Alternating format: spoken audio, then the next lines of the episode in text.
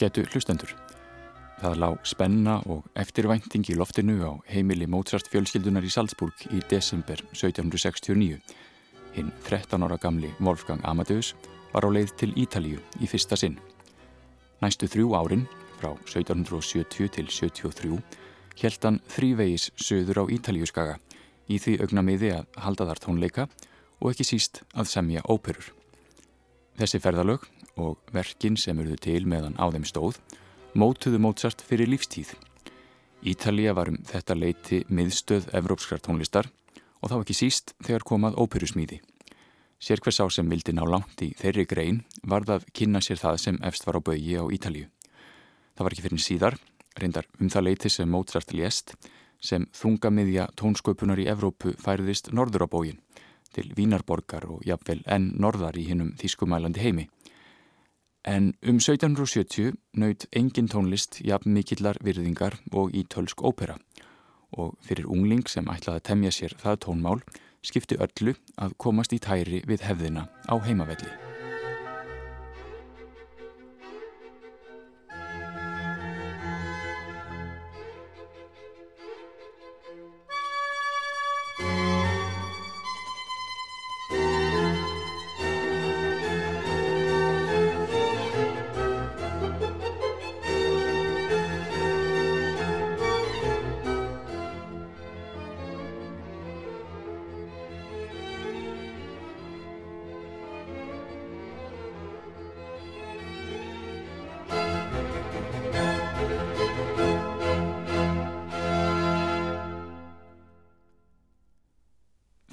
Desember 1769 sem hinn tæplega 14 ára gamli Wolfgang og Leopold, fadir hans, heldu af stað í hestvagni frá Salzburg í átt Suður á bógin.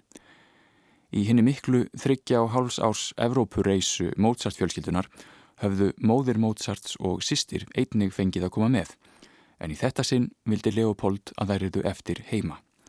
Ferðarlægið erði annars of dýrt, sagðan, og Leopold var vanur að fá sínu framgengt á heimilinu. Það voru því bara feðgarnir sem stegu upp í hestvagnin, faður og sonur, kennari og nefandi, framkvæmdastjóri og undrabarn. Mozart helt tónleika meðal annars í Verona og Mantova við góðar undirtæktir en áfangastæðurinn var Milano. Í þá daga var Milano hertugadæmi sem laud stjórn Habsborgara og það var einmitt sjálfur ríkistjórin í Lombardíu hér að því, hinn austuríski Firmian Greifi, sem sá til þess að Mozart fekk strax stóra pöntun, heila óperu, og skildi nýja verkið vera tilbúið til flutnings þegar karnivaltímin hæfist á annan í jólum. Það var nægur tími til stefnu, en það veitt ekki af. Tekstinn var ekki tilbúin og jafnvel þegar Mozart hafði fengið hann í hendur fór hann sér að engu óðslega. Óperur voru í þá daga klæðskera sniðnar að rödd söngvaranna sem fóru með aðalhutverkin og Mozart ákvaða að býða með að semja ariðnar þar til hann hefði hitt alla söngvaranna og heyrt á syngja, þar til hann vissi allt um kosti og veikleika hverra rattar fyrir sig. Annars væri jú alltaf hætta á því að söngvararnir heimtuðu að hann skrifaði ariðnar upp á nýtt eða tækju ég að fylg upp á því að syngja í staðin ariðu úr einhverji annari óperu eftir allt annað tónskáld. Það voru nefnilega söngvararnir sem öllu réðu í óperuheimi átjóndu aldar. Tónskáldin voru aðeins auðmjúkir þjónar þeirra.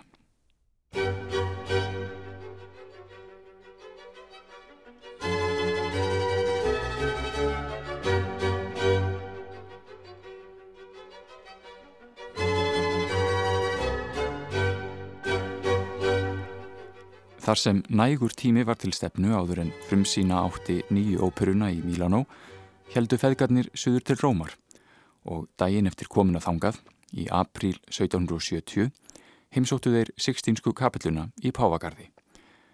Hér afrekaði Mozart nokkuð sem varð umtalað um alla Ítalju og jafnvel víðar um hinn kathólska heim. Í Vatikaninu var sungið í Dimbilviku hvert ár frækt tónverk eftir ítalska tónskáldið Gregorio Allegri sem var uppi á fyrirluta 17. aldar og var einmitt söngvari í kór Pávagarðs. Tónsmíð Allegris er við 51. Davíðsálm Miserere mei Deus eða Miskuna mér drottin.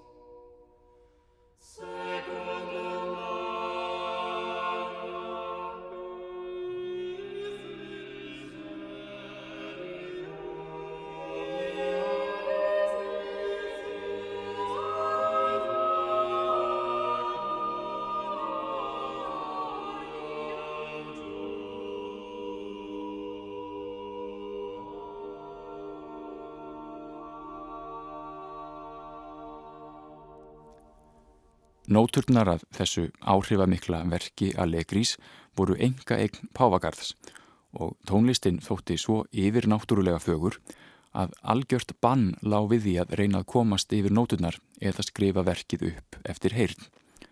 Refsingin var hvorki meirann í minna en bannfæring kirkjunar, útskúfun úr samfélagi kristina manna. En hér sá Leopold Mozart sér leika á borði. Ef sonur hans gæti afrega þetta, myndi það bera nafn hans víða um álfuna og svo mætti reyna að friðmælast við pávan þegar tækifæri gæfist. Wolfgang Amadeus heyrði verkið ekki nema einu sinni en það dugði til. Þegar heim var komið settist það niður og skrifaði það upp tón fyrir tón.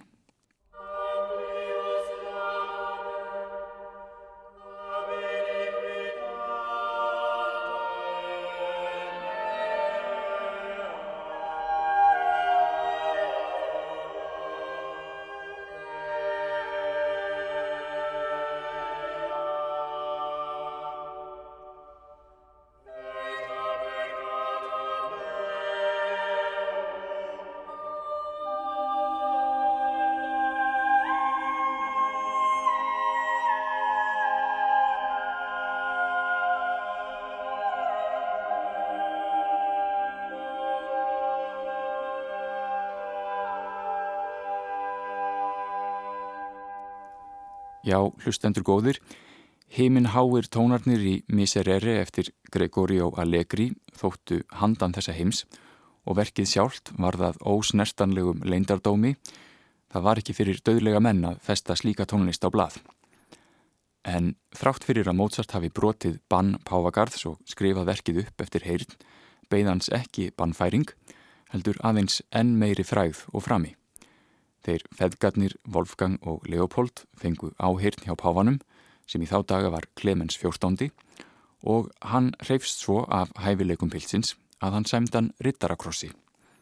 Mozart var jú sjálfur einhvers konar yfir náttúrulegt fenomen, hæfileikar hans voru heldur ekki af þessum heimi og því gáttu allir vel við unað.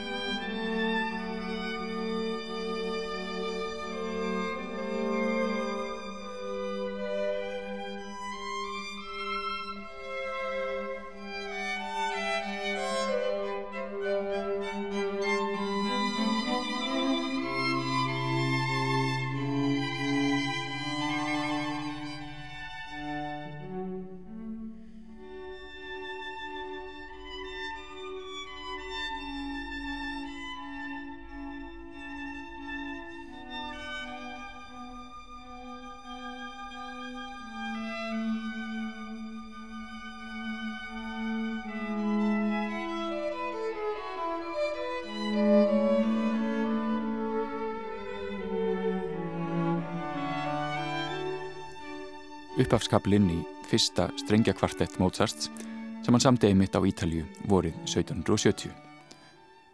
Þegar leið á árið brett hann svo loks upp ermar og tók að semja nýju óperuna fyrir Milano. Hún ber heitið Mitridate Re di Ponto. Söguhetjan er Mitradates sem var konungur í Pontos við söðuströnd Svartahafs frá árinu 124 til 88 fyrir Krist og sölsaði undir sig all nokkur landsvæði þar sem nú eru Tyrkland og Gríkland. Mithridates var uppi í raun og veru eins og margar söguhettur í alvarlegum óperum á tjóndu aldar en saga óperunar er þar fyrir utan reynasti skálskapur. Það er í sjálfu sér ekkert nýtt að söguþræðir í óperum séu óttalegar flækjur en atbyrðarásinn í Mithridate er óvenjulega snúin og minnir jafnveil á sápuóperur nútímans. Þetta er nefnilega saga um ekki bara ástar þrýhyrning heldur ástar ferhyrning sem til að kórona allt saman er innan sömu fjölskyldunar. Er fregnir berast til ríkisins að Mithridates konungur hafi látist í bardaga. Hann á tvo uppkomna síni, Sifare og Farnace, en auk þess unga heitkonu, Aspasíu. Nú vill svo óhefilega til að báðir sínir Mithridatesar bera ástarhug til tilvonandi konu föður síns og hún er sömuleiðis ástfangin af öðrum þeirra, Sifari. Skemtileg flækja það. Það bætir heldur ykkur skák að Mithridates er sprell lifandi eftir allt saman. Hann hafði sviðsett andlátið í þeim tilgangi að blekja óvinni sína í stríði. Honum er skiljanlega ekki skemmt þegar hann fréttir af öllu því mikla tilfinningabáli sem blossað hefur upp í fjárveru hans og dæmir bæði sinni sína og tilvonandi eiginkonu til dauða. Að lokum fer þó svo að Mithridates er sjálfur særður banasári í bardaga við Rómverja Á banabeði nást fullar sættir og Sifari, sonur hans, fær að kvænast að spasíu.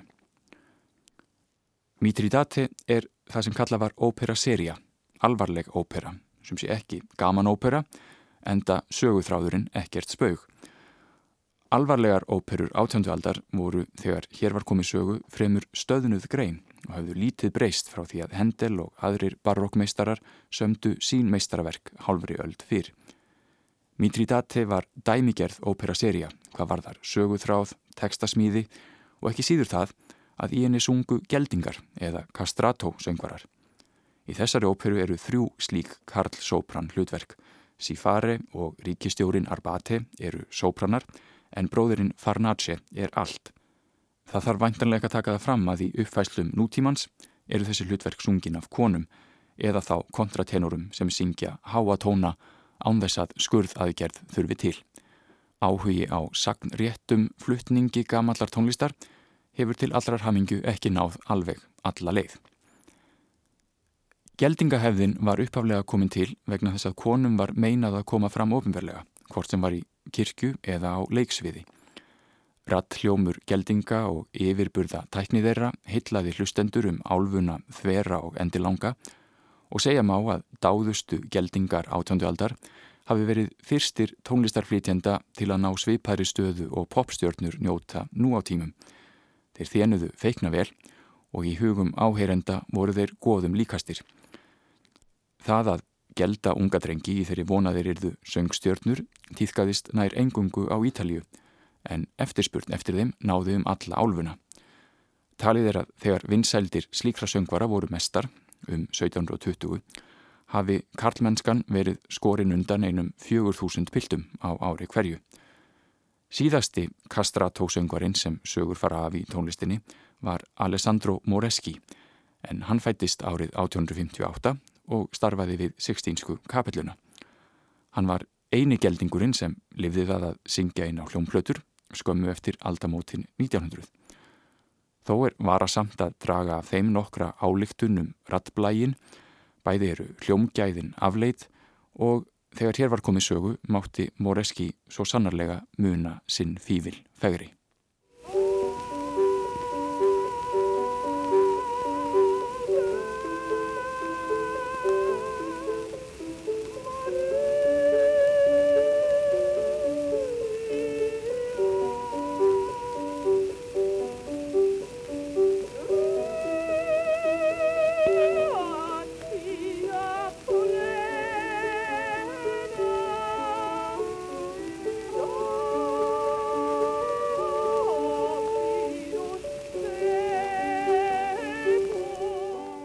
Hér hljómar rödd Alessandros Moreski á upptöku frá árinu 1904.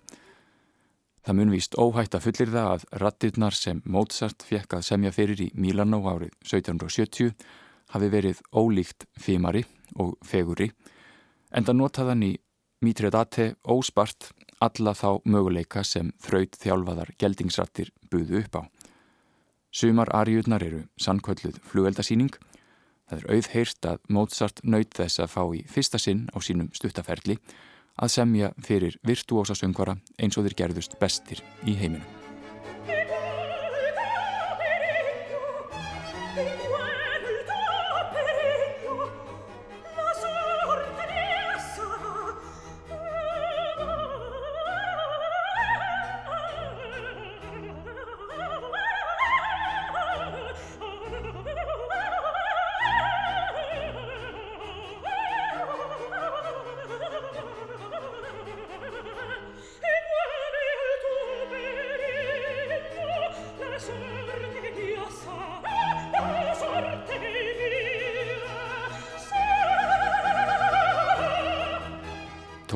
Sem Mozart samti fyrir óperuna Mitridate er svo sannarlega ekki á hversmanns færi að syngja.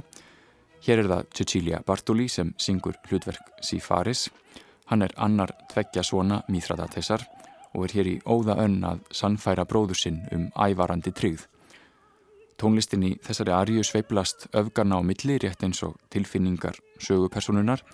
Sifari er í misti allnokkru uppnámi eða rólendið uppmálað og ekki er annað að heyra en að Mozart hafi gripið feginsendi tækifærið að sína ólíkar hliðar sömu personu í einni og sömu arjunni.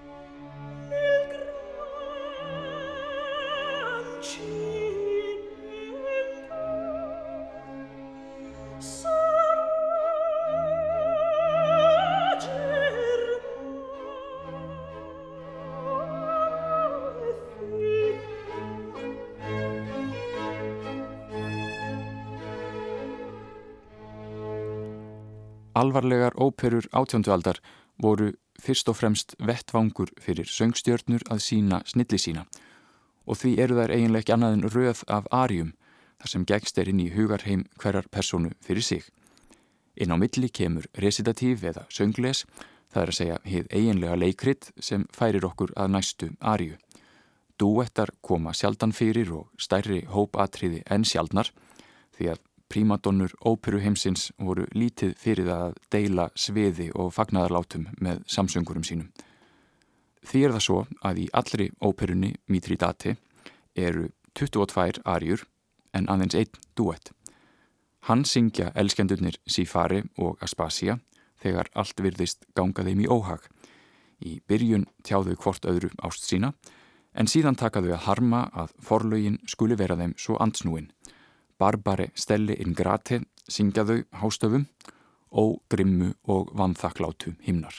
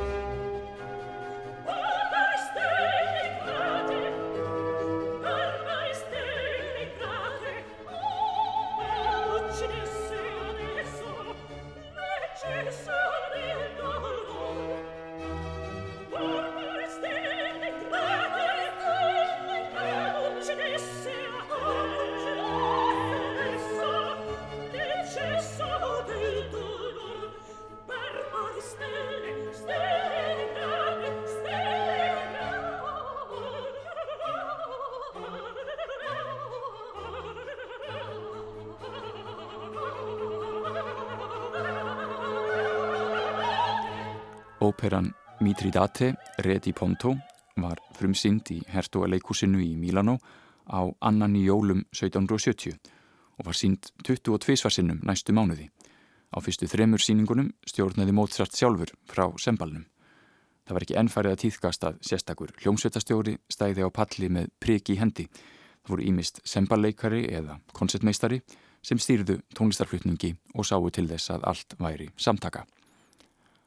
Óperuhúsið í Milano, eða Teatro Reggio Ducale, hertualeikúsið eins og það var kallað, var eitt glæsilegasta leikhús Evrópu á þessum tíma og þar var einn stærsta óperuhljómsveit álfunar, taldi alls um 50 manns. Í húsinu, sem var víkt árið 1717, voru stúkur upp á fimm hæðir þar sem aðallinn gatt setið í makindum og hlustað, nú eða fengi sér að borða, spila skák eða jafnvel fjárhættuspil en þeim litist tiltekinn kapli í verkinu. Það var nefnilega töluvert afslappaðra andrumsloft í óperuhúsum og tónleikasölum á átjönduöld en nútildags og rauna var það svo að óperuhúsið fekk stóran hluta af tekjum sínum af því að starfrækja spilavíti samhliða söngnum. Kanski er hér komin leið til að rétta við hallaregstur á fjársveltum óperustofnunum nútímans, hver veit. Annars var stutt í endalog þessa glæsilega hús því það varð eldi að bráða árið 1776 aðeins fáinum árum eftir að Mozart var þar síðast. Í staðin var byggt nýtt óperuhús skamt hjá sem bar örlítið annan nafn, nýja hertóaleikúsið eða Novo Regio Ducale Teatro alla Scala sem flestir þekkja í dag sem Scala óperuna.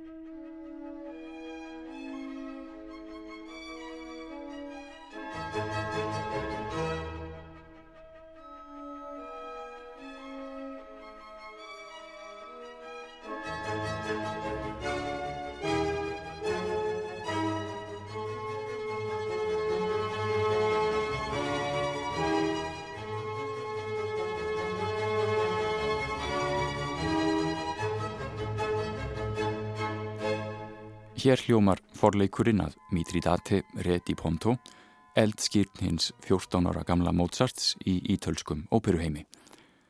Verkinu virðist almennt hafa verið vel tekið en þó má ráða af brefi Leopolds til konu sinnar í Salzburg að heimamenn í Mílanó hafi haft á því ímsar meiningar. Aldrei í manna minnum hefur verið slík eftirspurn eftir nýri óperu í Mílanó sem nú. Líklega af því að hér hafa geisað miklar deilur um ágæti hennar.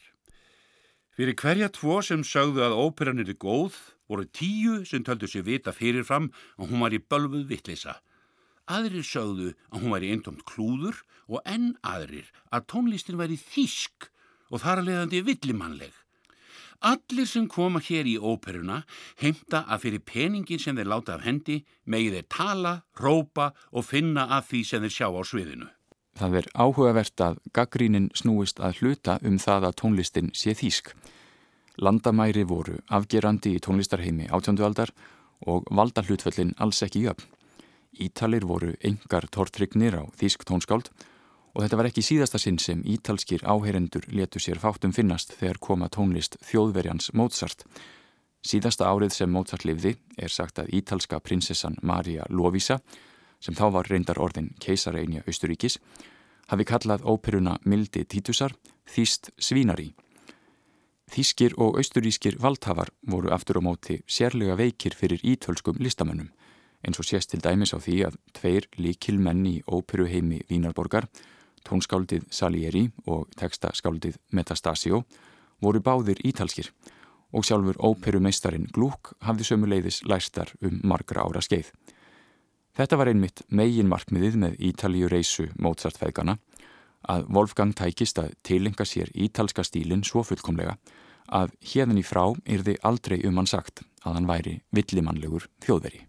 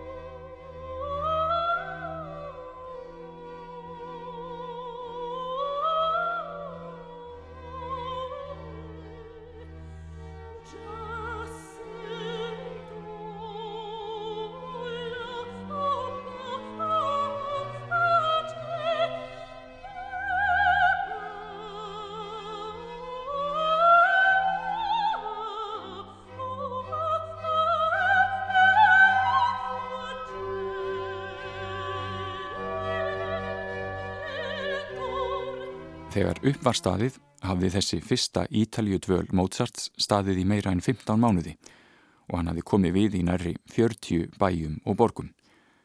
Þeir feðgarnir komu aftur til Salzburgar í mars 1771 og þá tók við hinn hverstagslega tilvera. Fleiri Ítaljuferðir voru þó í bígerð því að Mozart hafi verið beðinum að semja lítið leikhúsverk fyrir brúðkaup Erki Hertugans af Milano þá um haustið og sumuleiðis aðra óperu fyrir óperuhúsið. Hann var því ekki nema fimm mánuði heima við og það helsta sem hann samti var tónlist fyrir Dómkirkjuna í Salzburg. Tónlistarlíf bæjarins var ju ekki það fjölbreytasta á jarðarkringlunni. Vest þótti Mozart að þar skildi ekki vera neitt óperuhús en kirkjutónlist var þar í góðu standi.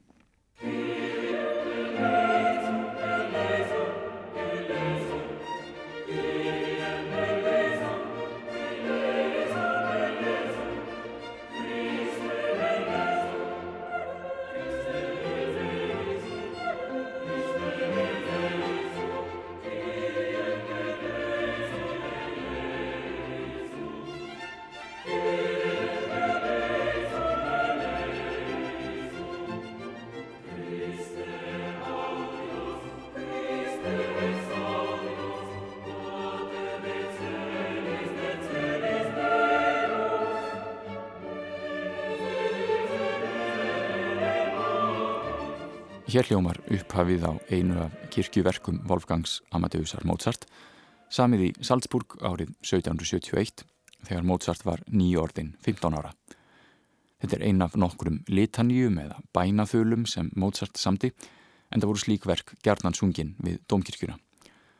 Mozart samti tónlist af ýmsum toga fyrir kirkjuna í heimabæ sínum, heilar messur, ímist langar fyrir hátíðistaga eða stittri til flutnings á sunnudögum sónutur fyrir lítinn hljóðfærahóp og verk við ímsa latneska bænateksta, til dæmis þennan óð til himnadrottningarinnar fyrir kór, einsöng, sópran og hljómsveit.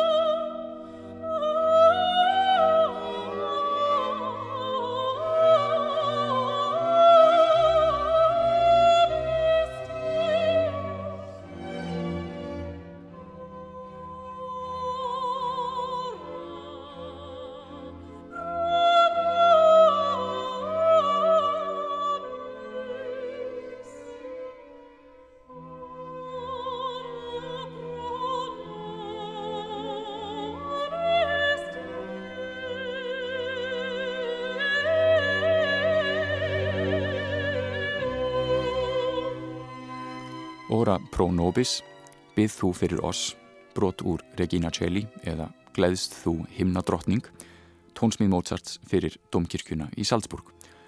Þetta er gott dæmi um þann metnað sem lagður var í kirkjutónlist þar í bæ meðan Strattenbach erkibiskup, velgjörðamadur þeirra Mozart feðga, var þar við völd. Meira um það hér rétt á eftir.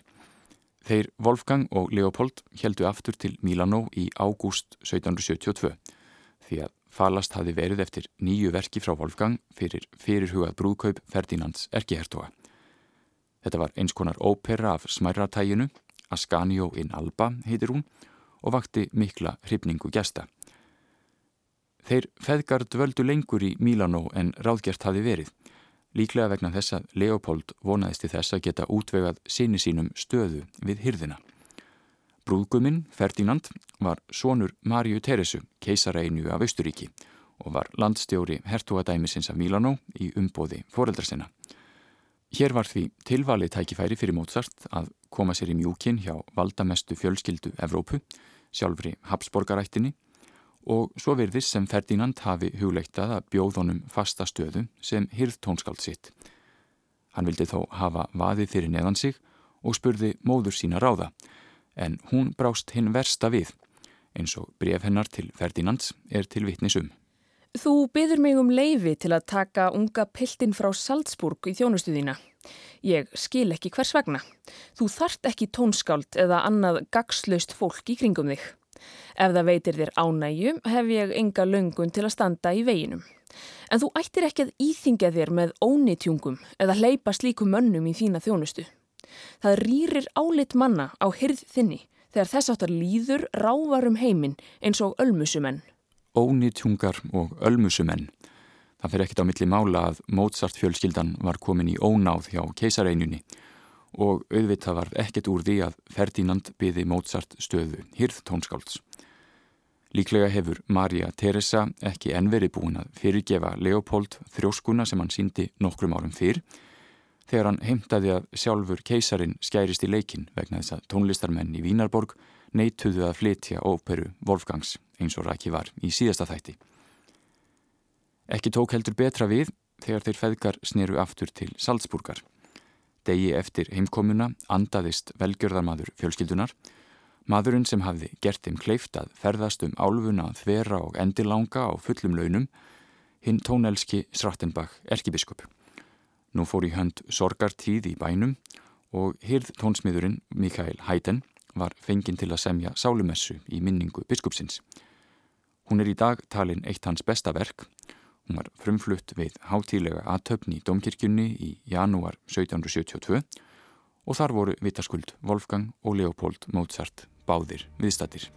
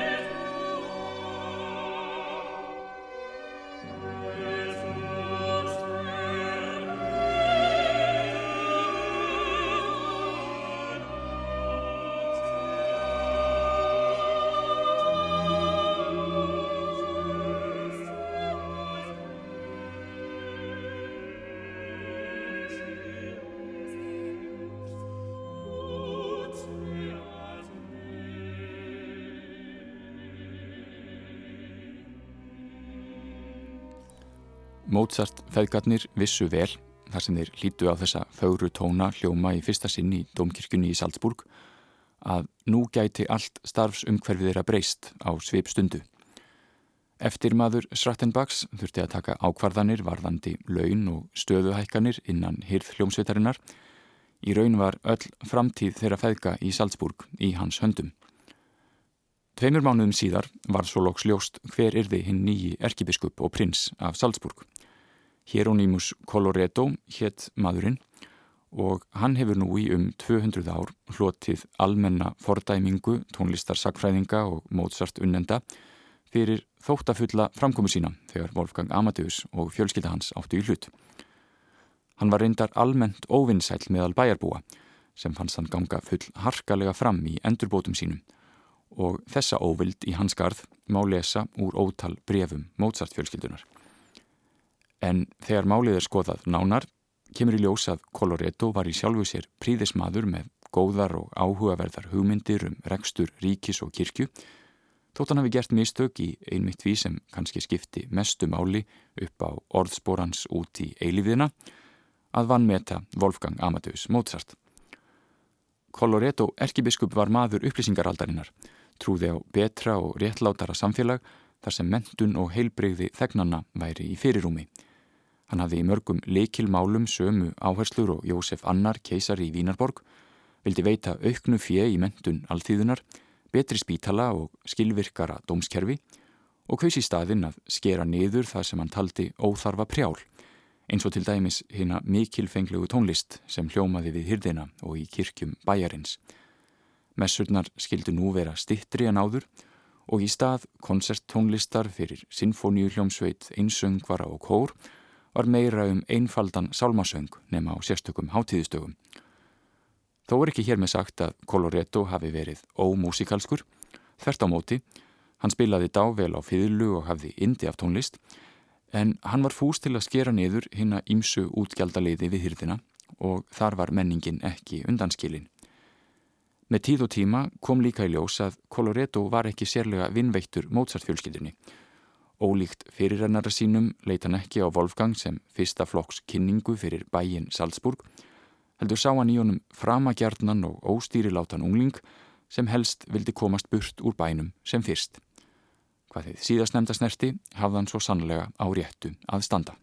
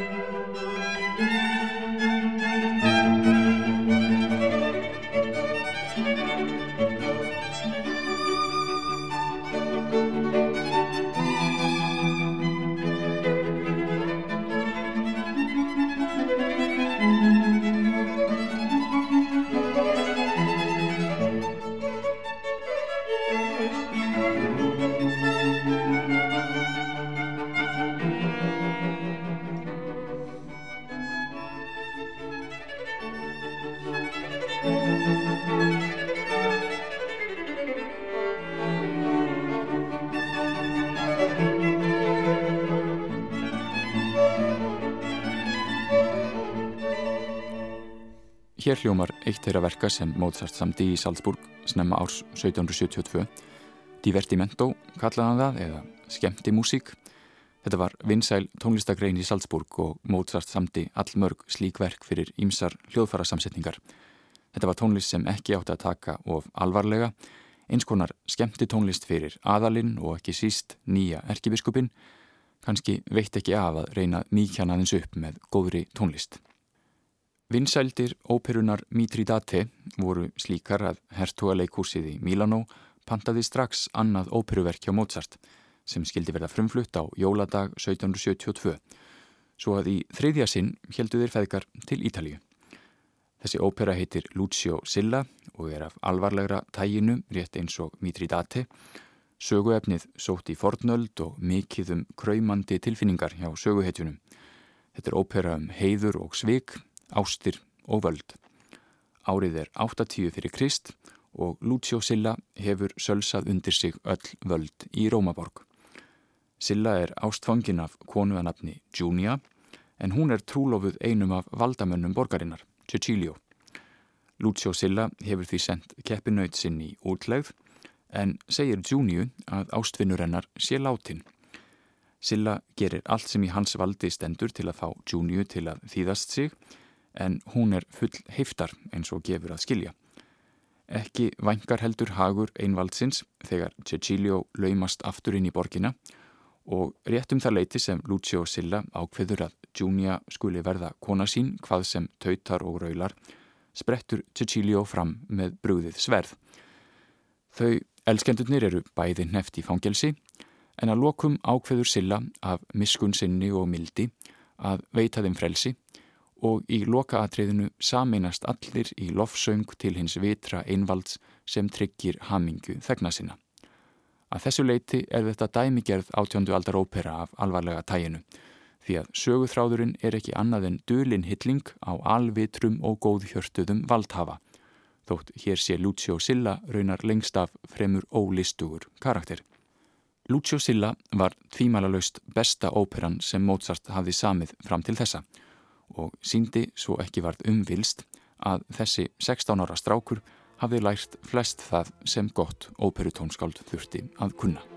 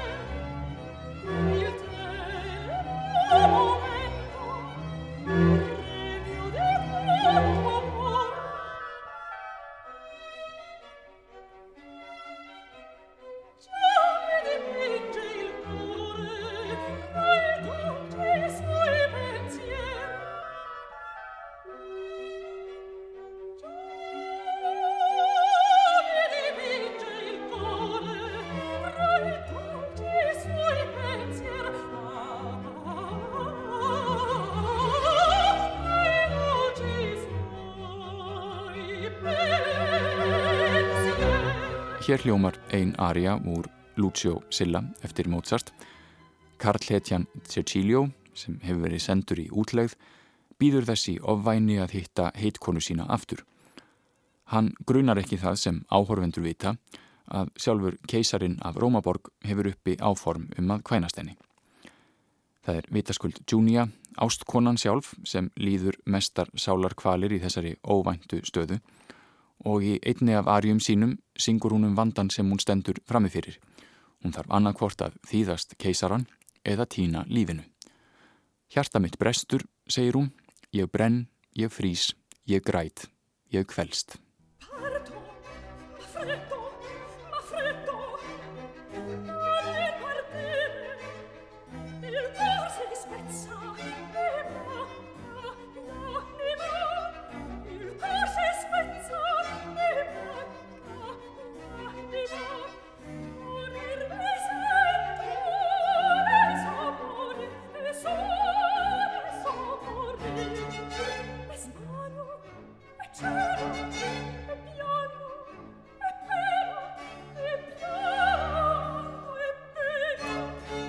Þeir sem fóru í óperuna í Milano á átjóndvöld fengu svo sannarlega mikið fyrir peningin.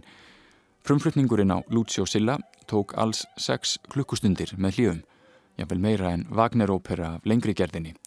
En inn í þeirri tölu er reyndar ballett tónlist sem ekki var eftir Mozart og svo var alls sið að klappa upp arjur sem áherundum líkaði við og þá tegðist úr heildartímanum. Frumflutningnum var sem sé ekki lokið fyrir en klukkan 2 um nótt en það má reyndar skrifa á reikning Erki Hertugans af Mílanó sem tafðist við ennbætti störf og því byrjaði óperan tveimur tímum setna en auglýst hafði verið. Flytjendur og óperugestir urðað gera svo vel að býða þánga til æðsta ráðamanni borgarinnar þóknaðist að ganga í salin.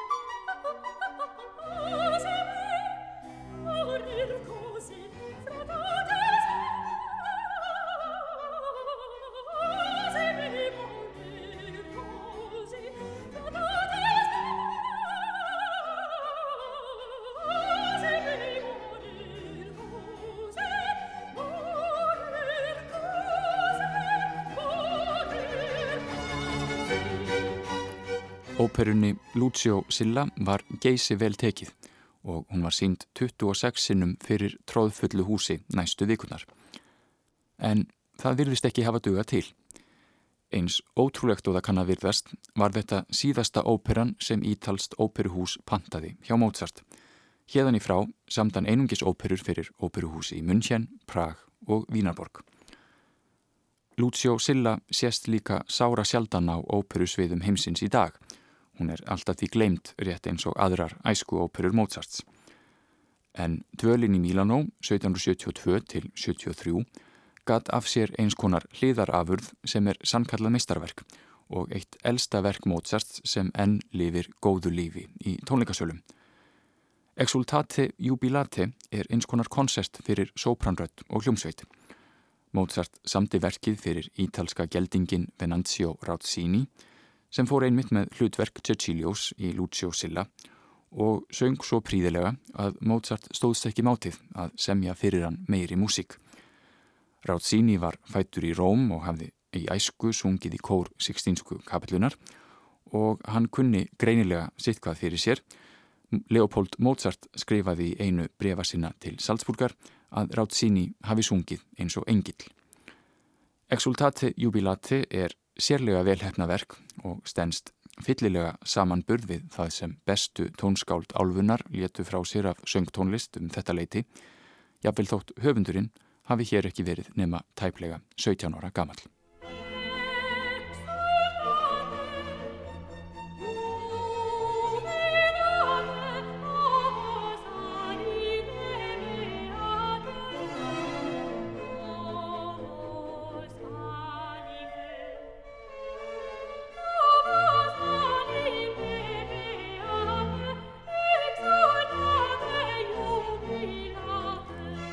Fagnið gleðjist syngur sópraninn í fyrsta kapla þessa gladværa verks sem Mozart samti handa Castrato stjörnunni Venanzio Rauzzini í Milano. Syngið ljúvan söng, segir í tekstanum, þá munu háloftin einnig taka undir. Það var síðar þetta sama ár, 1773, sem Mozart samti sinn fyrsta frumsamda pianokoncert.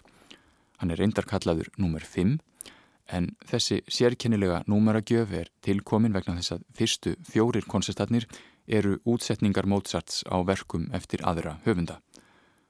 Þessi konsert varð til í Salzburg í desember 1773, líklega fyrir tónleikahald í hýbílum aðalsfolks meðan á karnivaltímanum stóð, það er að segja frá því á annan í jólum og fram að páskaföstu. Tónlistin við þennan fyrsta alvöru pianokoncert Mozarts er reynd útsagt príðileg og það kemur eitthvað óvart að verkið skuli hafa notið vinsælda.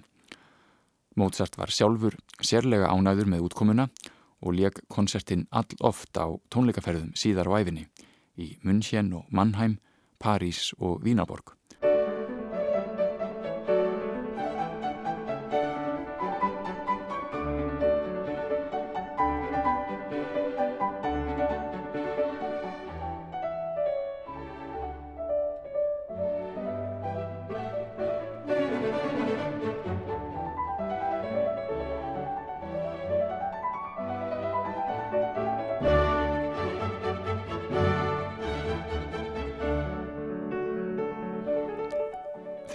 Mozart samti þennan fyrsta alvöru pianokonsert sinn var Ítalíu ævintýri hans á enda og þótt ótrúlegt megi virðast kom hann aldrei aftur til Ítalíu þau átján ár sem hann átti eftir ólifuð.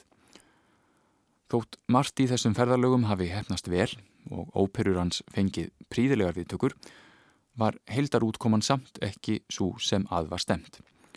Mozart bauðst engin staða Engum aðalsmanni þótti físilegur kostur að bjóðunum fast starf og því þurft hann að gera sér Salzburg að góðu, smábægin sem hann fannst engan vegin sambóðin hæfileikum sínum. Um þrautagöngu hans þar næstu árin og stöku sigra verður fjallanánar í næsta þætti. Allar upplýsingar um merkin sem hér hafa hljómað, sem og flítjendur, má finna á heimasíðu þáttarins á rúf.is og ég minni einnig á Sistur þáttinn, meistaraverk Mozarts, þar sem verk hans hljóma í heilu lægi. Góða stundir.